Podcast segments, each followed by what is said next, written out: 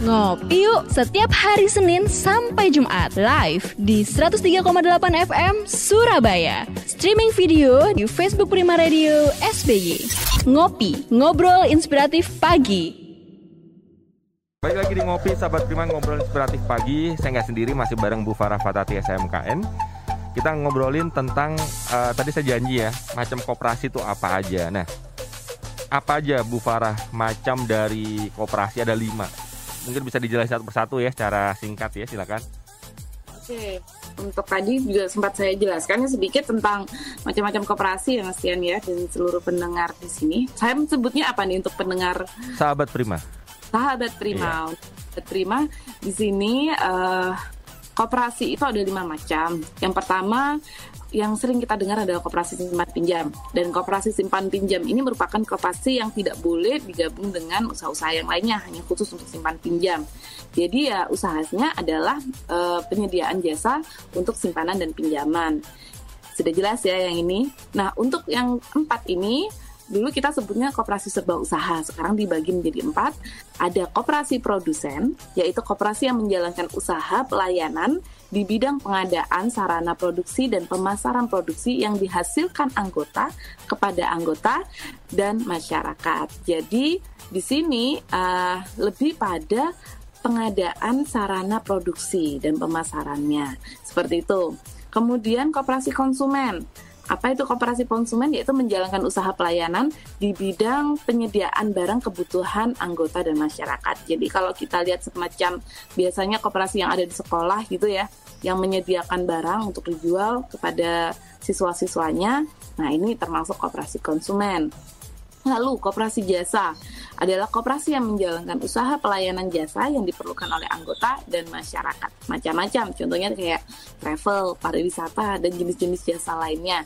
Lalu ada lagi koperasi pemasaran yang terakhir ini untuk sahabat Prima yaitu menyelenggarakan kegiatan usaha, memasarkan produk yang dihasilkan anggota dan non anggota. Jadi fokus di sini adalah sebagai distributor atau agen untuk memasarkan dari uh, hasil-hasil anggotanya tadi di situ ataupun non anggota. Jadi uh, fokusnya untuk melakukan kegiatan usaha utamanya adalah itu seperti itu. Oke, jadi ternyata sekarang macamnya sangat variatif. Tadi Bu Farah juga bilang hampir semua segmen usaha ada sebenarnya di koperasi itu. Ini buat gambaran masyarakat umum aja Bu Farah. Lagi-lagi kita kalau ngomongin koperasi itu yang terpikir di otak kita itu masih menengah ke bawah, usaha kecil-kecilan, nggak akan bisa besar seperti itu. Nah, mungkin dari pengalaman selama ini Bu Farah ada lima macam koperasi yang Bu Farah sempat melihat contoh mungkin di daerah mana ada koperasi tertentu dari lima ini yang mungkin sudah besar sebesar apa. Jadi biar kita tuh ada gambaran, oh ternyata koperasi besar juga ya ternyata impactnya. Ada contoh nggak Bu Farah? Mungkin yang pernah melihat di mana gitu? Iya sebetulnya banyak ya. Eh, Mas Tian untuk yang koperasi sudah berkembang Mungkin itu, bidangnya tapi... aja, namanya nggak usah nggak apa-apa. Ah, Biar nggak ya. promo maksudnya. nah, kalau seandainya ini uh, saat ini memang saya kan uh, juga sedang fokus untuk uh, membantu dinas kan karena saat ini pemerintah sedang uh, mengupayakan untuk pembentukan koperasi dan itu difasilitasi juga oleh pemerintah untuk uh, biayanya termasuk juga uh, kemudahan-kemudahan yang diberikan melalui perizinannya.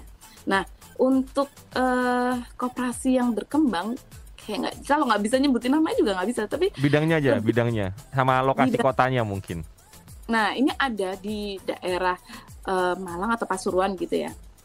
Koperasinya ini basisnya itu adalah pesantren uh, dan uh, tapi tidak hanya tidak hanya santri-santrinya saja, tapi di luar dari santrinya itu juga bisa bergabung menjadi anggotanya. Dan sekarang sudah bisa mengeluarkan uh, apa air air mineral. Hmm, uh, okay, ada ya pernah? Iya iya. Yang yang sekarang sudah sangat ramai warnanya hijau itu loh mas. Oh itu kooperasi ya. ternyata ya?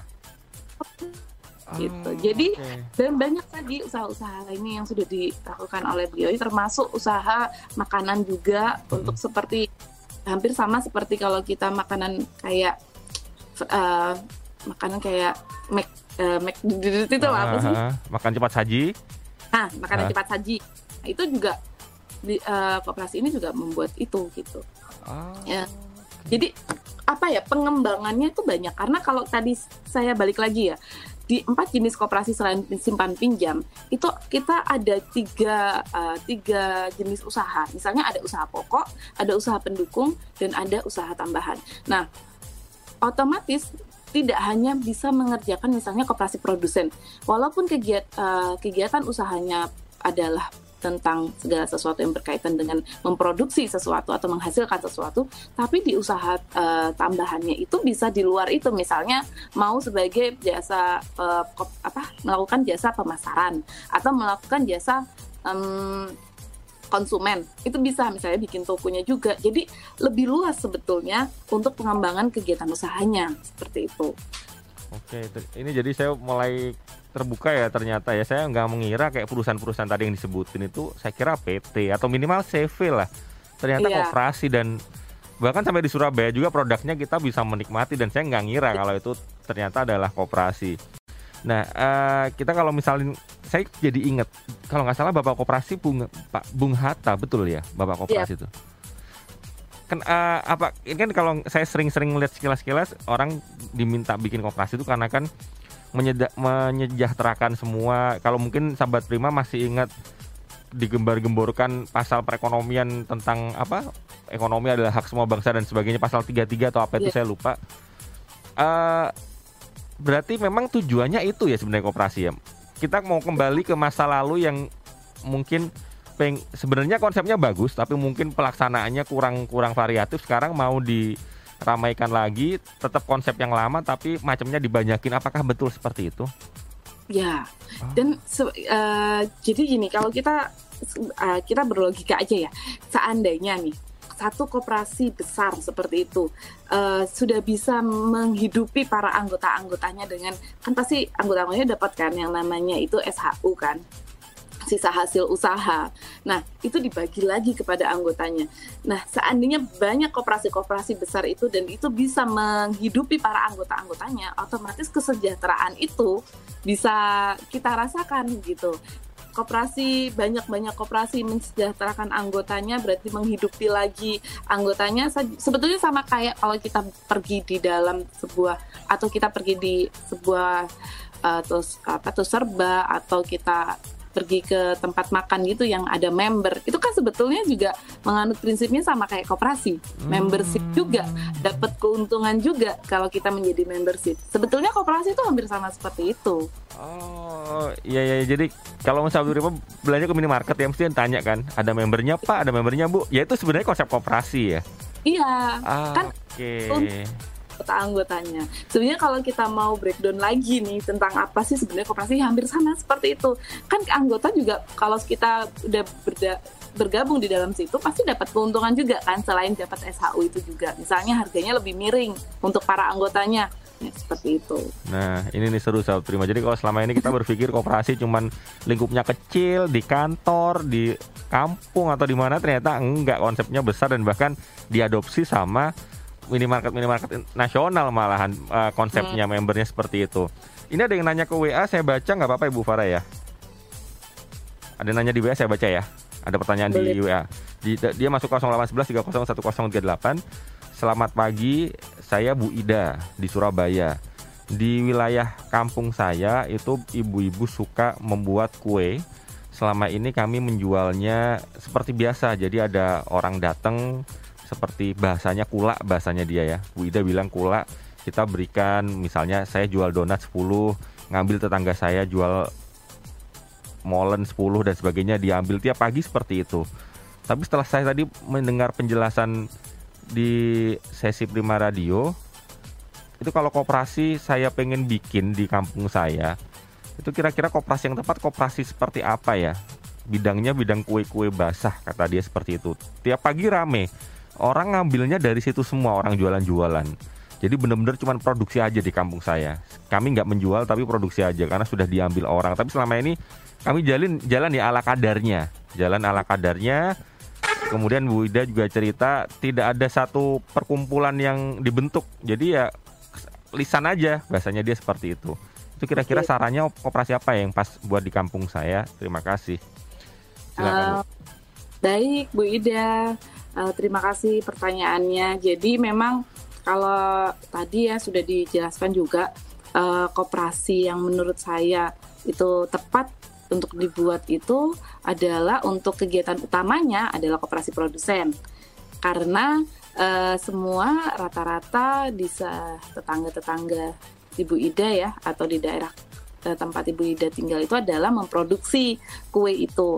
Nah, tapi Bu Ida tidak hanya kita nanti bisa melakukan kegiatan usahanya di koperasi itu hanya sebagai uh, produsen saja atau memproduksi kue. Bu Ida nanti dengan teman-temannya membuat sebuah koperasi uh, sembilan orang cukup Bu Ida, misalnya tetangga-tetangga sekitarnya semua orang berkumpul kemudian uh, memberikan simpanan pokok simpanan wajib mendirikan itu sekarang bisa uh, kita mengakses juga minta ke Dinkop untuk ada jatah dari pemerintah untuk pendirian akta koperasi.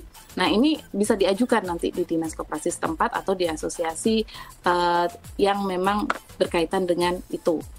Itu sudah ada uh, dan pemerintah sedang menggalangkan itu, jadi silakan dicoba Bu Ida. Nah selanjutnya Bu Ida, untuk uh, selain dari kegiatan utamanya itu adalah um, produsen. Nah, ada yang namanya kegiatan usaha, eh, kegiatan tambahan. Nah, kegiatan tambahan ini bisa nanti membuat sebagai membuat toko dan kemudian menjualkannya. Jadi melakukan kegiatan-kegiatan konsumen itu juga bisa kegiatan-kegiatan koperasi konsumen. Jadi tidak terbatas hanya sebagai produsen saja gitu. Tapi kegiatan utamanya tetap di produsen ya, koperasinya jenisnya koperasi produsen. Gitu. Oke, Jadi baik. bisa ini ya, hmm. uh, Mas Dian bisa uh, bisa ditangkap ya apa yang saya sampaikan. Ya, gitu.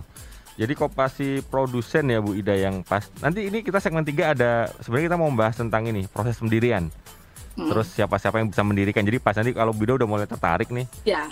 Kemudian tadi ada sempat disampaikan Bu Farah adalah 9 orang. Nah, ini kalau lebih dari 9 orang gimana ya ya malah lebih bagus sebenarnya. Cuman nanti di segmen ketiga kita lebih detail bahas proses pendirian seperti apa, siapa yang bisa mendirikan. Maksudnya apakah minimal 9 orang itu kalau di perusahaan kan ada direktur, ada komisaris, itu kan tinggi posisinya ya kan. Nah, kalau di koperasi gimana? 9 orang posisinya sama atau dibeda-bedakan. Nah, nanti kita akan bahas lebih detail di segmen ketiga tetap di ngopi sahabat Prima ngobrol inspiratif pagi sampai jam 10 pagi nanti ya. Ngopi yuk setiap hari Senin sampai Jumat live di 103,8 FM Surabaya. Streaming video di Facebook Prima Radio SBY. Ngopi, ngobrol inspiratif pagi.